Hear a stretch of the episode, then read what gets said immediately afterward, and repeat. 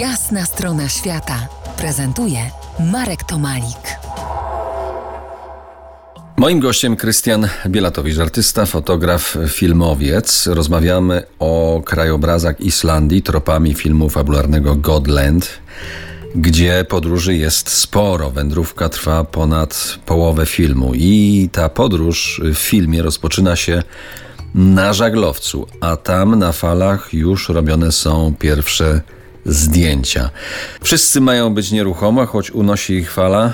Dlaczego nieruchomo muszą być? Zdjęcia były wykonane na e, wielkim formacie i no wtedy, teraz też oczywiście, jak ktoś ma taki aparat, e, zdjęcia są wykonane na długim czasie, czyli potrzebne jest kilka sekund, żeby zostało naświetlone e, negatyw, czy w tym przypadku tutaj były takie płytki szklane z chemią. W każdym razie potrzebne jest kilka sekund i to wymaga tego, aby wszyscy byli nieruchomo. Jeśli ktoś się poruszy, no to zdjęcie będzie, na fotografii człowiek będzie poruszony, prawda? Nie będzie ostry.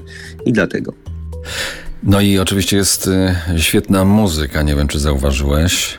Tak, muzyka do tych krajobrazów, do tych dźwięków, e, wiatru, tak, to jest no, mistrzostwo świata, jeśli chodzi o ten film.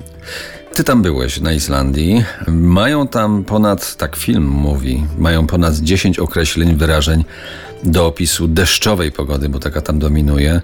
E, to jest rzeczywiście kraina deszczowców?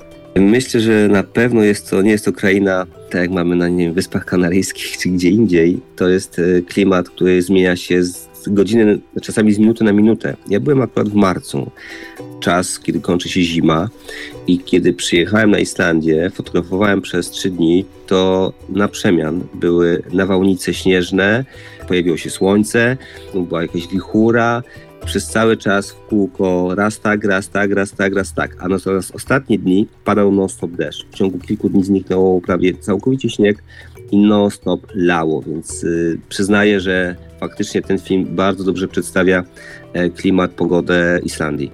To ale wróćmy do tego filmu. Dopływają e, do wyspy, bo trochę płyną, w miejscu zupełnie dla człowieka dzikim. Ksiądz, bo to on jest tym głównym bohaterem, trzyma na plecach statyw, który w ułożeniu może przypominać, y, nie wiem, no jakieś nasze rakiety. Jest to symboliczne, no. ale też świadczy o silnej pasji tego człowieka, tej, tej jego rakiety. Tak, pasja. Pasja do fotografii.